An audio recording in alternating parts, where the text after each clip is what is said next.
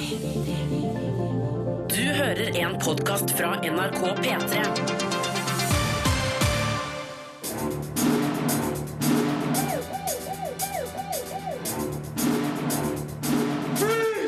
Filmpolitiet! What's your name, dude? Birger Vestmo. What kind of stupid name is that? Bare to filmer har premiere på kino i dag. Begge skal anmeldes, både The Autopsy of Jane Doe og En gatekatt ved navn Bob. Den ene, en deilig guffen skrekkthriller, regissert av André Øvredal, som skal fortelle hvordan han kom over manuset til filmen, og hvordan han har jobba for å gjøre den så skummel som mulig. Den andre filmen forteller den virkelige historien om en uteligger og hans gatekatt, basert på en populær serie bøker. Fra TV-fronten ser vi sesongstarten av den sjette runden med Homeland på TV2 Sebra og Sumo, og den første sesongen av Den onde greven på Netflix. Og jeg anmelder Gimme Danger, den Jim Jarmers-regisserte dokumentarfilmen om Iggy and The Stooges, som slippes på Blu-ray, DVD og digital strømming førstkommende mandag. Filmpolitiet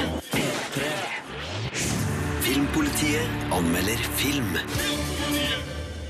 This is the autopsy of an unidentified female, henceforth known as Jane Doe. Når regissør André Øvredal endelig følger opp suksessen med Trolljegeren, gjør han det med en deilig guffen skrekkthriller som underholder godt og skremmer effektivt på den morsomme måten.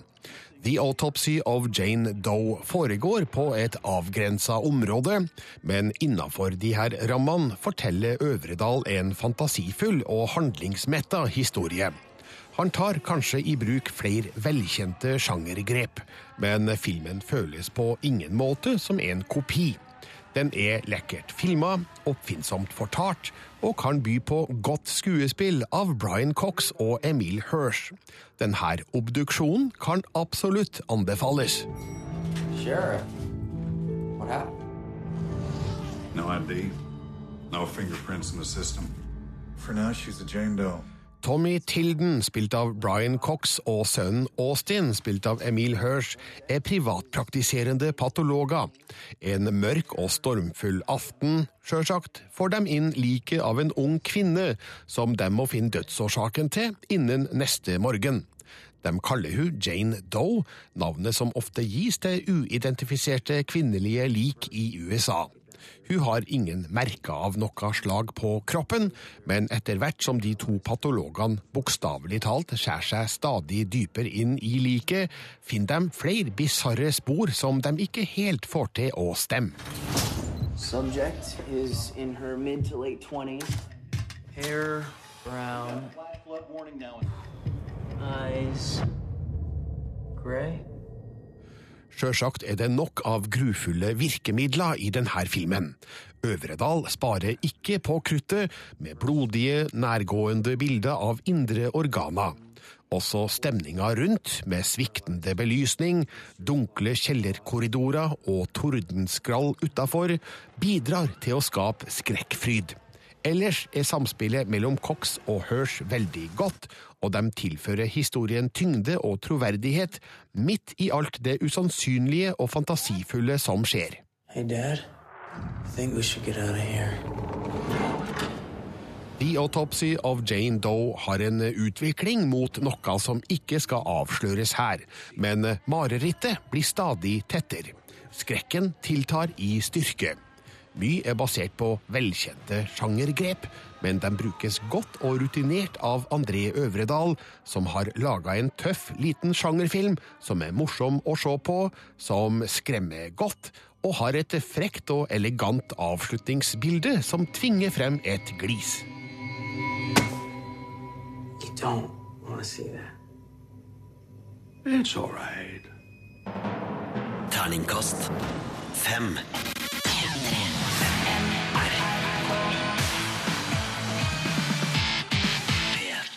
The Autopsy of Jane Doe er altså André Øvredals andre spillefilm.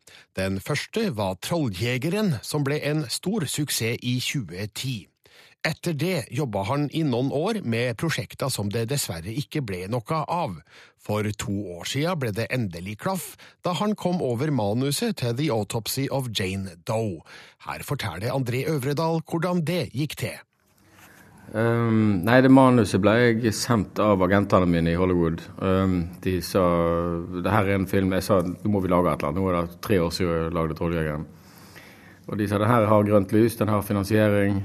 Du kjenner allerede produsentene. De liker Trolljegeren. Så ta en telefon med dem og hør. Eller les først manuset. Og det gjorde jeg, og det var dritskummelt. Og det å uh, greie å skrive et manus som er skummelt å lese, er ganske stor bragd i seg sjøl, for det er så teknisk, et manus. Så um, da sa jeg selvfølgelig, det her må jeg jo snakke med. Uh, og hadde en fin samtale der de Og sendte de et uh, dokument som var 20 sider med presentasjon av hvordan de ville lage hele filmen. Og den falt de for. Og ja. Ja, Hvorfor falt du for manuset? Fordi det var uh, veldig spennende å følge med disse karakterene som gjør denne jobben. Og uh, som er veldig, en fantastisk jobb, eller en sånn rar jobb, på en måte. Og, um, og så var han veldig detaljert. Veldig, veldig godt researcha hele veien. Og så var det et kjempefint forhold mellom far og sønn som var veldig spennende å få på um, få skutt. Og så for meg, rent sånn regihåndverksmessig, så var det viktig å gjøre noe helt annerledes enn 'Trolljegeren'. Hvorfor det? Fordi jeg ville bevise for meg sjøl og for den del andre at, uh, at jeg kunne fortelle en historie med, med, helt åpenbar kontroll over historiefortellingen. Fordi trolljegeren kan jo av og til fremstå som den er rimelig ukontrollert, sjøl om man egentlig ikke er det.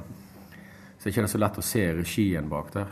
Um, for øvelsen med trolljegeren var jo ofte å trekke seg så langt unna som mulig, mens her var det å uh, regissere så mye som mulig, på en måte, da, storyen. og hva du opplever som publikum. Come on. We're trapped down here. Please. Historien foregår innenfor et uh, begrensa område. Hvilke utfordringer gir det deg som regissør? Altså det, eh, det, gir, altså det å lage en film i sånne begrensa omgivelser gir jo uh, utfordringer i å og skape ny, hele tida finne på noe nytt. altså Hele tiden utvikle filmen. Så vi satte oss jo veldig masse regler, sånne filmatiske regler etter masse samtaler med meg og fotografen for hvordan vi skulle hele tiden utvikle filmen visuelt. Og um, hvordan et, um, Unnskyld, bruke rommene, hvordan vi designer rommene for at ikke han skulle bli klaustrofobisk. For det var jeg veldig bevisst på, at filmen kunne ikke være klaustrofobisk selv om han skulle være innestengt. What happened to you? First, They bound her. Then they ripped out her tongue, poisoned her, paralyzed her, forced her to swallow the cloth. Det er mørkt, det er blodig, det er storm utenfor. Det er en del klassiske sjangergrep her som du ikke nøler med å, med å ta i bruk? Nei. Nei, altså det er jo at filmen skal jo først og fremst være eh, en gysende opplevelse for publikum. Det er det aller viktigste. Um, og de elementene hjelper å skape stemning, og det hjelper å gi, uh, ja, gi en gøyal opplevelse for publikum. Mm. Det, ja. uh, hvilken research måtte du sjøl gjøre om uh, hvordan en obduksjon faktisk foregår? ja, altså jeg har jo intervjua og snakket med masse um, patologer. Var med i, på, i obduksjonssaler og så jeg var ikke med på en reell obduksjon, det var mer tilfeldig at jeg ikke fikk være med på. Men uh, vi så jo, jeg studerte det og masse bilder og leste om anatomi. og var, Vi hadde det jo med på settet hver dag. Og skuespillerne og meg vi drev og forberedte oss med uh, patologene for hvordan alt skal håndteres, og hvordan de er i rommet, og hvordan, hvordan de oppfører seg, egentlig. Så det var mye Egentlig mye research. Altså Skuespillerne òg jobba masse med det. Mm. Brian og Emil, Emil var jo med på en sånn masseobduksjon i Los Angeles Morgue. Uh, så var jo bare helt, Han sa han var helt lamslått etterpå. Bare å se på og oppleve det. Nasal passages, no sign of inflammation, no fluid, no foreign substances. And ear canals are clear. Eh, mange vil jo oppfatte en obduksjon som en ganske grotesk affære. Altså, Hvordan jobba du for å finne eh, et nivå i filmen som eh, kunne være spiselig for eh, publikummere?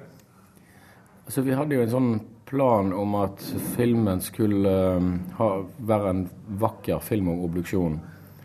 Sånn at uh, vi Eller jeg ville ha en stil som var veldig stilistisk, og kunne tillate meg å komponere bilder som var ikke var så groteske, men som var fine. Så jeg valgte å jobbe med en fotograf som var ekstremt god på komposisjon og på lys, og selvfølgelig det er jo alltid det en vil ha. Men han var stilsfotograf òg, så han uh, han tilla filmen enormt mye av den estetikken som jeg egentlig ville ha. Uh, så det var så vi vil, altså Filmen er liksom valgt å være estetisk nettopp for å unngå å havne i sånne feller der en skyter både en naken kropp og gørr på en ekkel måte. Så vi ville at det skulle se fint ut på en eller annen måte. Hey, Dad. I think we should get out of here. Hvordan endte du opp med Brian Cox og Emil Hirsch i de to bærende hovedrollene? Det er jo to meritterte skuespillere som funker godt sammen her. Ja, um, altså vi fikk jo um, Brian Cox med oss uh, høsten 2014, og han likte veldig godt manuset. Altså, det er jo et sånn uh, det er jo sånn det fungerer i Hollywood, at en sender manus til agentene til skuespillerne, og de sender det i så fall videre til skuespillerne hvis de liker det, og så er det en hel prosess. Og han leste det veldig fort og likte det veldig godt og sa ja. Og så lette vi etter en, en annen skuespiller som kunne ta den rollen. Først så lette vi lette bredt samtidig som vi lette snevert etter noen som hadde et navn. Vi var jo alle veldig begeistra for Emil Hirsch. Han er jo en flink skuespiller, så han likte manuset òg. Og, og han var blitt tipsa av en kamerat vet jeg, om at 'Trolljegeren' var en kul film han burde se. Så da var det heldigvis Gikk det opp på to fronter, heldigvis.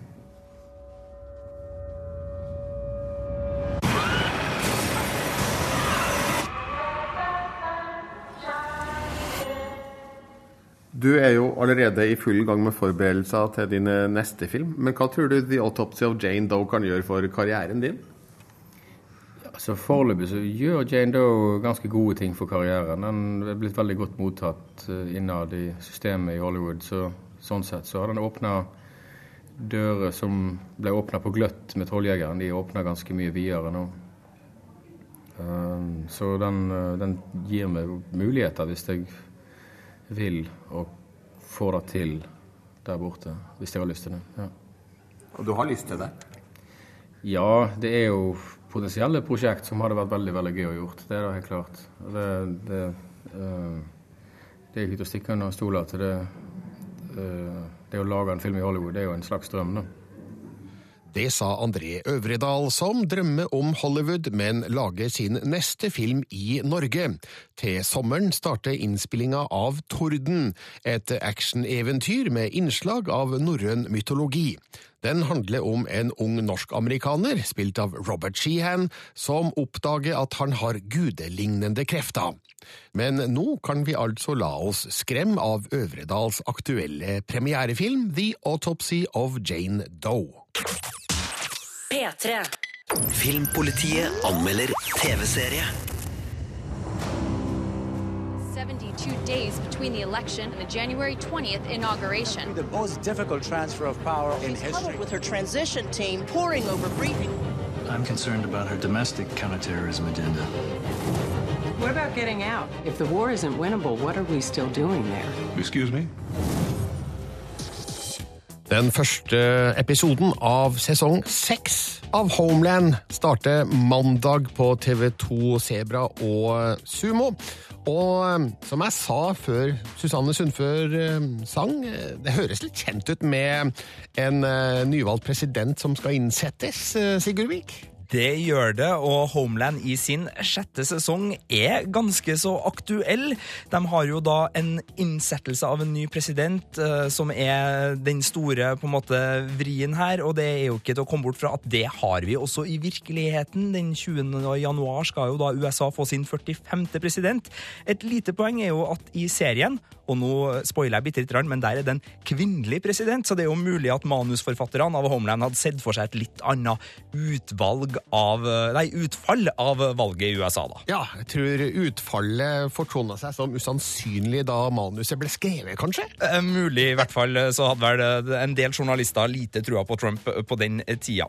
Men eh, det er ikke bare eh, aktuelt i forhold til valget, det er også en ny hjemmebane som er, eh, har en veldig stor emosjonell pondus, for nå er det New York som er arenaen, eh, samtidig som sikkert det blir litt i Washington. Og det her er jo en by med ei lang og eh, lidelsesfull terrorhistorie, ikke minst pga. 9-11, men også en del andre ting. Og allerede i første episode så skisseres denne terrorhistoria i New York opp, og det er tydelig at vi kommer til å få en del eh, ja, bruk av byen, da. Jeg hørte allerede antydninger til dialog som var sånn her Not in New York! Så det er mulig at det her kommer til å bli spilt opp litt uh, svulstig og kan bli litt kleint, men det er også en veldig spennende kulisse, så det gleder jeg meg til å se. Men litt vanskelig å skjønne hva som er hovedtrekkene i sesongen ut ifra den første episoden? Ja, tematisk så skal vi vel innom eh, radikalisering av amerikansk ungdom. Det ser ut som vi skal se litt på hva som skjer med soldatene som har vært med i krigen mot terror, både når de kommer hjem og hva som skjer med de pårørende rundt dem.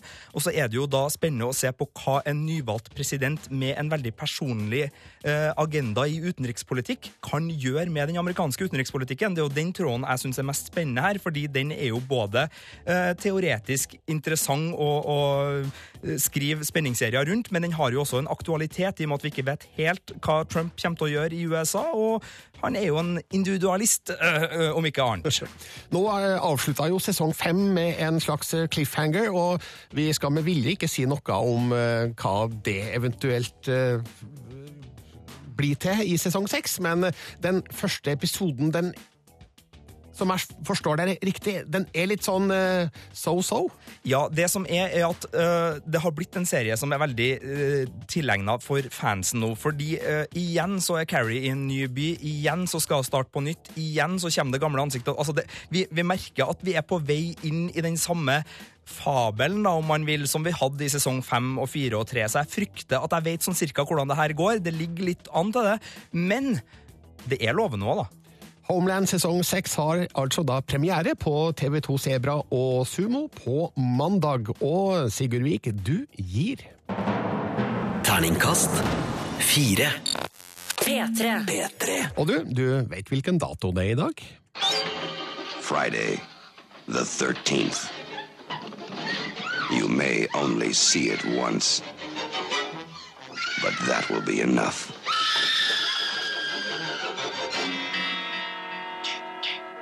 Friday, the 13th. Dette er Filmpolitiet. Filmpolitiet på P3. En kul film som gikk på kino i fjor, men som kanskje drukna og forsvant litt, var Nerve. Nå er den ute på Blu-ray, DVD og um, digital strømming, hvis du betaler litt for det, og det er den absolutt verdt. Her er anmeldelsen min. Filmpolitiet anmelder film. Welcome to Nerve, a game like Truth or Dare minus the truth. Filmer som makter å fange tidsånden, har et stort fortrinn. Det er nettopp det som gjør Nerve til en interessant film. Den tar unge menneskers internettliv og delekultur på kornet, og bruker det som sjølve drivkrafta i en spennende og underholdende historie. Gode prestasjoner fra Emma Roberts og Dave Franco sikrer det menneskelige aspektet, mens regissørene Henry Joost og Ariel Schumann syr sammen en historie som syder av energi og aktivitet. Avslutningens troverdighet kan nok diskuteres, men Nerve er så godt spilt og regissert at den holder høy kvalitet hele veien til rulleteksten. It's cool, right? This looks very sketchy. Is this legal? Vi møter 17 år gamle Vi, spilt av Emma Roberts, som blir lokka til å prøve internettspillet Nerve, der hun blir sendt ut i New Yorks gata for å takle ulike utfordringer mot fristende pengepremier. Hun blir raskt kobla til en annen spiller, Ian, spilt av Dave Franco. Sammen må de ta stadig større sjanser i spillet, som etter hvert blir både på kanten av loven og direkte farlig. stranger for five seconds? Selve spillet i filmen fremstår på en troverdig måte. Dette er noe som faktisk kun har eksistert hvis man lar enkelte fantasifulle elementer passere. Figurene i filmen kan velge mellom å være watchers eller players. Følgerne betaler en abonnementsavgift for å følge spillerne, som på sin side spiller om pengepremier som er finansiert av følgerne. Måten spillerne følges på, med aktiv deling via mobiltelefoner, er både troverdig og sannsynlig, sjøl om historien krever en i overkant tilstedeværende brukergruppe for å kunne fungere optimalt.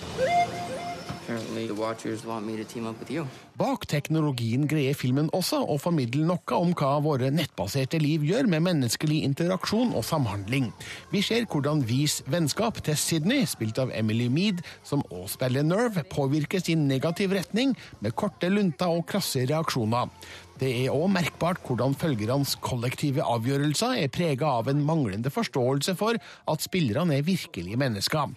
Vanlig skikk og bruk har lett for å forsvinne i digitale omgivelser, noe som får følger også i Nerve. My wallet, my clothes, everything's gone. No, my stuff is gone too. Regissørene Henry Joost og Ariel Schumann bader denne historien i lekre neonfarger og et eklektisk musikkvalg som spenner fra Mø til Wu-Tang Clan til Roy Orbison. Det er med på å gjøre Nerve til en frisk og fremoverlent tech-thriller. Man kan selvsagt diskutere hvorvidt siste akt holder hva de forutgående bygger opp til, men du må nesten se filmen sjøl for å finne ut hvorfor, og om du liker det. Når det er så sprekt, aktuelt og tidsriktig som det her, er det uansett veldig enkelt for meg å gi en like til Nerve. What happens if I bail? You lose everything. Terningkast fem. P3. P3 Filmpolitiet. på P3. Nintendo har kunngjort noe, Sigurd Vik. De har det! Og det gjelder den nye konsollen deres, Nintendo Switch. Den har vi jo sett litt av. Vi har blant annet sett sånne amerikanske talkshow-verter drive og spille. Eh, Jimmy Fallon fikk lov til å prøve det med Nintendo-skaperen eh, på Tonight-showet sitt eh, Ja. her om dagen, så vi har liksom sett litt av det. Men nå i morges så kom beskjeden. Det kommer i butikkene 3. mars 2017. I hvert fall i amerikanske butikker og i franske og Storbritannia-butikkene skal det komme. Vi håper jo at det kommer til Norge også den dagen, men vi, vi er jo ikke det største landet, så mulig at det tar noen dager før det kommer til Norge. Men 3. februar er i hvert fall verdenspremieredatoen på Nintendo Switch. Ja, Hva slags konsoll er det her, da, i, forhold til Wii U, f.eks.? Eh, Nei, det her er da en konsoll som du kan spille på TV-en. men Du kan også plukke den med deg og ha den som en eh, 3DS, på en måte da, en håndholdt konsoll. Så det blir jo en hybrid som har masse funky funksjoner, annet med konsoller som du kan splitte opp og spille med venner, men du kan sette dem sammen til én konsoll. Det her er mye, men vet du hva? Marte Hedenstad, vår kjære kollega, hun er i Tyskland nå, vet du, og tester Nintendo Switch, så folk kommer til å få vite mye mer om hvordan det her funker. Jeg skal ikke stå og gjette altfor mye på det, men prisen har også blitt øh, sluppet. 299 dollar, eller 300 dollar om du vil, vil vel anta at nærliggende pris i Norge vil bli sånn ca. 3000 kroner, da. Gjetter vi på. Nintendo Switch heter den altså. I formiddag ble det sluppet en eh, skamnyhet som kan få konsekvenser for de som følger serien fra utlandet. Ja, det kan det, fordi NRK eh, kommer ikke til å la Skam være tilgjengelig utenfor Norges grenser. Det blir rett og slett en geoblocking, og det er pga. musikken. Fordi de som sitter og ivaretar rettighetene til musikerne, de syns ikke det er greit at eh, musikken spres for alle vinner, for det har vi ikke avtaler til. Men eh, så akkurat nå, hvis du er f.eks. student og følger Skam via NRK eh, i utlandet, så er det en dårlig nyhet. Men de håper å finne en løsning. NRKs advokat er på saken og sier at de er i dialog med IFPI for å prøve å finne en løsning her. da IFPI er da en. Så det kan eh, løse seg. Og hvis du følger Skam i Danmark eller Sverige eksempel, på dansk og svensk TV, så er det jo ikke noe som skjer. Der fortsetter det jo å gå. Ja. Så det, det skal forhandles, så får vi se om det skjer noe. Takk så langt, Sigurd Vik. P3. Filmpolitiet. På P3. Vi skal fremdeles snakke om ting som skjer i nyhetsbildet som interesserer oss, og da Da handler det stort sett om film, spill og eller serier. Og hva handler det om nå, Sigurd Vik? Nå skal vi til en TV-serie, Birger. En TV-serienes TV-serie. En av de mest fantastiske TV-seriene som finnes i verden! All right. Ja. Etter den introen er jeg veldig spent på hvilken serie det handler om. Kaffe, pai og Twin Peaks. All right.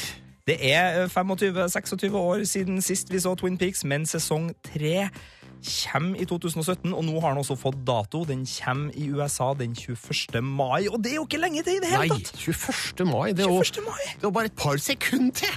Men nesten eh. USA, ja, det er jo én ting. Men Norge Nei, Vi vet ikke helt ennå, men det er nærliggende å tro at det er et norsk eh, kanalsystem som vil plukke opp det her og sende det ganske kjapt. Nå har det jo blitt tradisjon for at vi bare ligger ett døgn etter USA på de store seriene. Krysser fingrene for at det også skjer denne gangen, og at vi får det på en norsk strømmetjeneste eller TV-kanal i slutten av mai at worst. Men det her gleder vi jo oss voldsomt til. Vi roper ut så snart vi vet når Twin Peaks sesong tre kommer til norske TV-skjermer. Eh, Cohen-brødrene snuser òg på skjermen. Ja, de har jo laga en film som har blitt til en veldig bra TV-serie, Fargo, som Ja. er helt nydelig. Men nå ryktes det at de også driver og jobber med en TV-serie sjæl. Altså, det her er jo filmskapere som har gjort utrolig mye bra på kino. Du kan jo ramse opp dine favoritter, Birger. Eh, Fargo. Ja. The Big Lebowski. Ja. The Hudsucker Proxy. Ja. Eh, altså Blood Simple. Det er så Eh, mye. det er mange. Eh, Miller's Crossing. Miller's Crossing. Eh, nei, jeg kommer ikke på flere i farta. Fikk jernteppe. Ja, det er helt greit. No Country for Old Men liker jeg veldig godt. Men det er The Ballad of Buster Scruggs. Uh, som blir kanskje da en TV-miniserie. Det ser veldig lovende ut. Da med Cohen-brødrene som serieskapere. Det her skal være en western. Og de har jo laga True Grit, og du kan jo si at No Country for Old Men og en western, så En det er jo noe de kan. Ja, det kan de, så vi ser frem mot eh, det. Eh, En annen film vi gleder oss til, er den neste enkeltstående Star Wars-filmen. For eh, den kommer til å handle om den unge Han Solo. Vi vet allerede hvem som spiller hovedrollen der, nemlig Alden Ehrenreich. Men en annen kul skuespiller er nettopp kasta. Woody Harrelson har vært rykta, men nå har Star Wars bekrefta han skal spille i den 2018-aktuelle Han Solo standalone-filmen. Ja. Og med det skuespillervalget så føler jeg at eh, det befester inntrykket av at eh, Han Solo-filmen vil ha en mye lettere tone enn det Rogue One hadde. Humør er jo stikkordet, og litt galskap når jeg tenker på Woody Harrelson. Og så skal jo den også ha en westernfil, har vi hørt. Så, og han skal vi spille en mentor, ryktes det. Det her liker jeg, Birger. Jeg liker det òg, og det er mange som liker Star Wars. Jeg leste nettopp nå at eh, den Rogue One-filmen er i ferd med å passere én milliard dollar i inntjening på verdensbasis, og det er vel intet mindre enn ekstremt imponerende.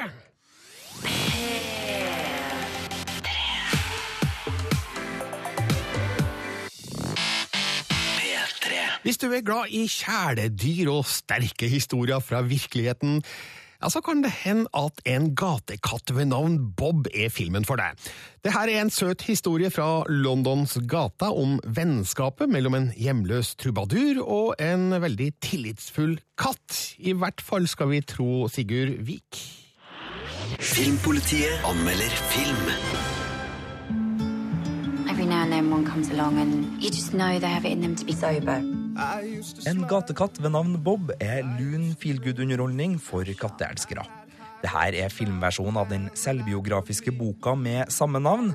En historie basert på James Bowens liv som rusmisbruker på gata i London, og hvordan han kom seg inn fra kulda og ut av heroinavhengighet med hjelp fra gatekatten Bob. Filmen er full av håp og rufsatt britisk sjarm, hvor det velspilte samspillet mellom katt og mann er den store styrken og attraksjonen. Katten Bob, som spiller seg sjøl, har karisma og kamerateft nok til å fungere utmerket som kinoselskap. Og Luke Treadaway, som spiller James, er lett å like som kjempende rusmisbruker med et hjerte av gull. Past, given. I don't want to go that way. Som mot alle odds-historie treffer filmen en hjertevarm tone, men som realistisk drama basert på virkeligheten er det her en lettvekter som ikke klarer å behandle temaets alvor. Og det lider filmen av. Regissør Roger Spottiswood, som tidligere har laga hundefilmen Turner og Hooch, tar seg ikke tid til tomheten, brutaliteten og sårheten som historia antyder og er bygga på. Derfor mister filmen troverdighet og nerve, som kunne ha gjort det her til noe mer enn bare en buddyfilm om en katt og en mann. Bolt showed me what life could be like on the other side. Det her er ikke en film for dem som er allergisk mot markedstilpassa historieforenklinger og melking av det sukkersøte, men hvis du tåler den kombinasjonen, og du liker dyrehelter, slentrende visepop og sterke vennskapsbånd, så er det her en sjarmerende film om hvor viktig og stor kjærligheten til dyr kan være. Terningkast fire. P3. Vi skal inn i skjermen. Filmpolitiet anmelder TV-serie. If you are interested in stories with happy endings, that story is streaming elsewhere. I would advise all our viewers to watch something more pleasant instead. I am Count Olaf, your new guardian. Your first impression of me may be that I am a terrible person.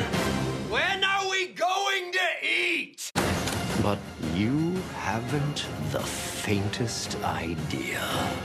Det her er lyd fra serien Den onde greven, som har premiere på Netflix i dag.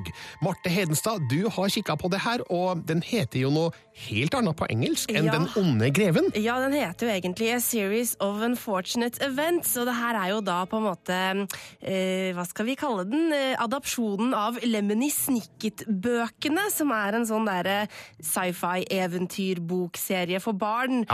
Som er ganske så mørk. Ja, og jeg har jo da anmeldt eh, filmen Lemony Snicket, en serie uheldige hendelser som kom i 2005. Mm. Det her er da basert på det samme råmaterialet. Ja, det stemmer. Bare at eh, i serien da, så går man litt dypere inn i det. Der hvor eh, den filmen du snakker om var basert på, jeg tror alle bøkene crampa inn i én film, ja. så går de litt eh, dypere inn i materien her. Eh, Og vi får rett og slett én bok på to episoder. Eh, Men vi kan kanskje si hva det handler om. Ja. Altså, det det her handler om, det er jo da rett og slett eh, de stakkars Baudelaire-barna som eh, blir rett og slett de mister foreldrene sine i en forferdelig brann.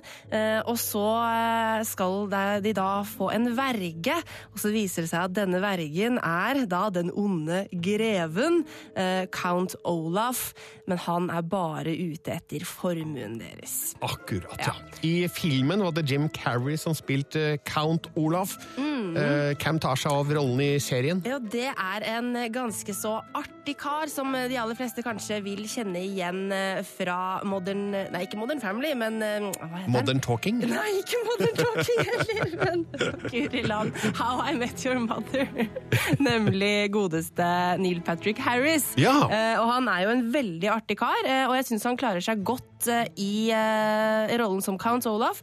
Nå er jeg veldig stor fan av Jim Carrey, Mm. uh, så jeg syns kanskje uh, Jim Carrey var enda morsommere, men det Neil Patrick Harris klarer å gjøre på en god måte her, er å få frem den ondheten til Count Olaf også, eh, for han er en skikkelig forferdelig fyr som rett og slett har lyst til å drepe disse stakkars Baudelaire-barna. Eh, Så det er kanskje litt mer balansert med det mørke og det morsomme da, i serien enn det var i filmen. Ja, fordi filmen var jo da litt sånn eh, mørk på liksom. Mm. Serien er rett og slett eh, litt eh, Ja. mer dark. Ja, den er litt eh, mørkere enn filmen, men det er fortsatt mye humor her. Men altså, det som er litt morsomt, er at denne fiktive forfatteren Lemony Snicket, han er jo også med i TV-serien. Og han dukker stadig opp i, i forskjellige diverse scener hvor han sier sånn Folkens, nå er det kanskje best at dere skrur av, fordi nå kommer noe helt forferdelig Mm. til å skje. Så de, de understreker hele tiden på en måte hvor forferdelige det er. Og det blir jo litt humoristisk, eh, men det som skjer er jo ofte ganske så ille.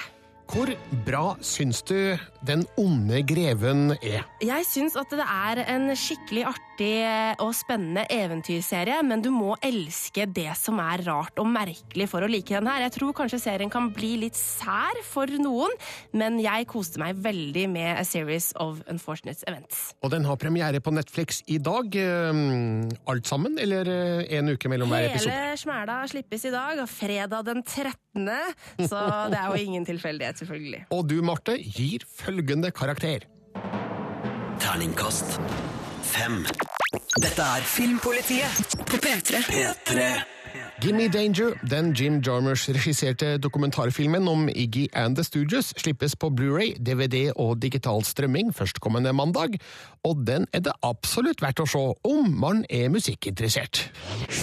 Filmpolitiet anmelder film. If I hit here, you'll get all three cameras. We ready? We are in an undisclosed location interrogating Jim Osterberg about the Stooges, the greatest rock and roll band ever.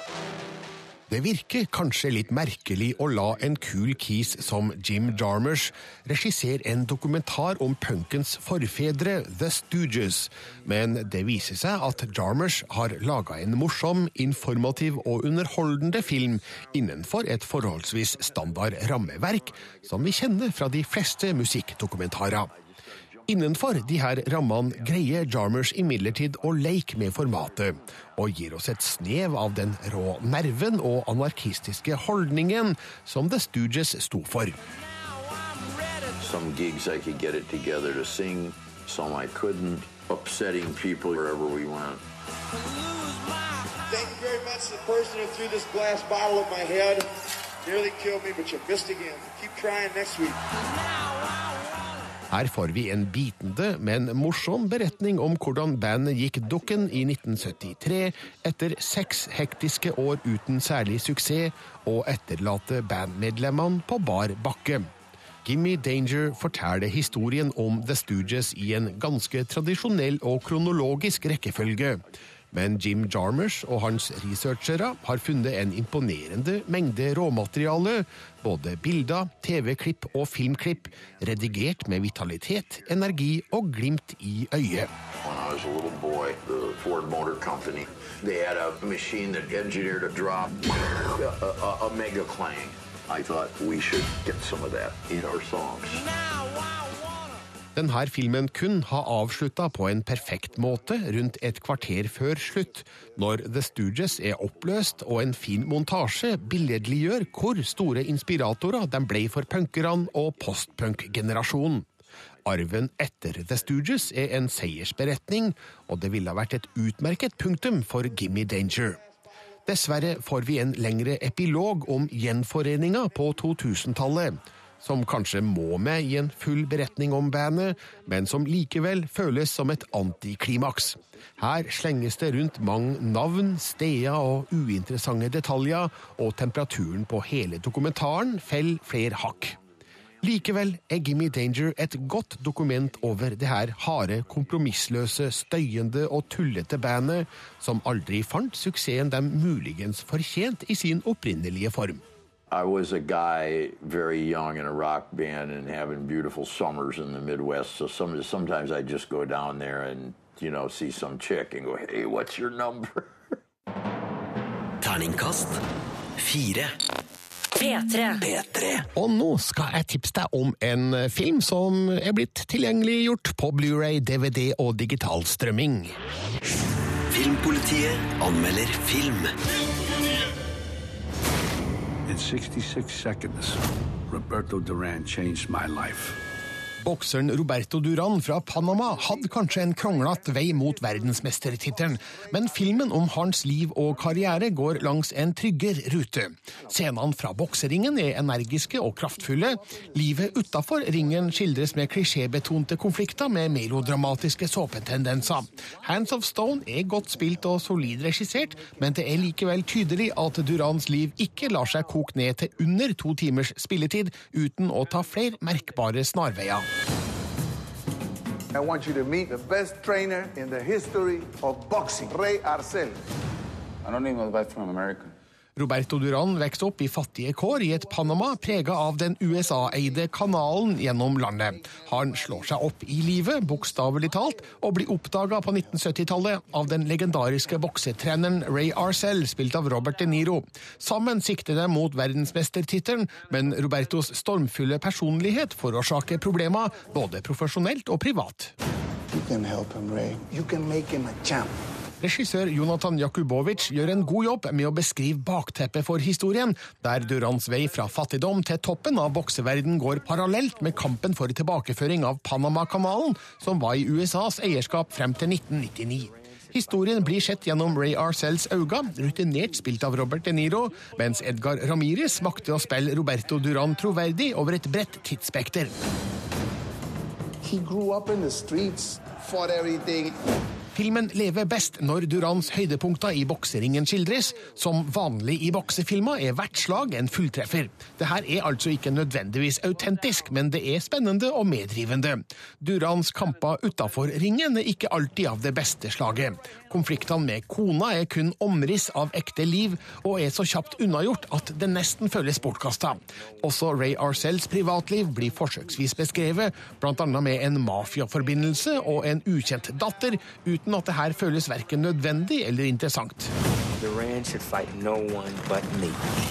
39 år gamle Edgar Ramires gjør en overbevisende jobb i hovedrollen med å fremstille en gatesmart mann med en tøff innstilling, god fighting spirit og høye ambisjoner, men med mindre gode egenskaper til å takle mellommenneskelige forhold. Det ser vi spesielt i den interessante tvekampen som etter hvert utspiller seg mellom Duran og en annen bokselegende, nemlig Sugar Ray Leonard, overraskende godt spilt av artisten Usher. Hands of Stone matcher kanskje ikke Rocky, Creed og Raging Bull, men er for det meste en sympatisk og vellaga film om en karismatisk figur.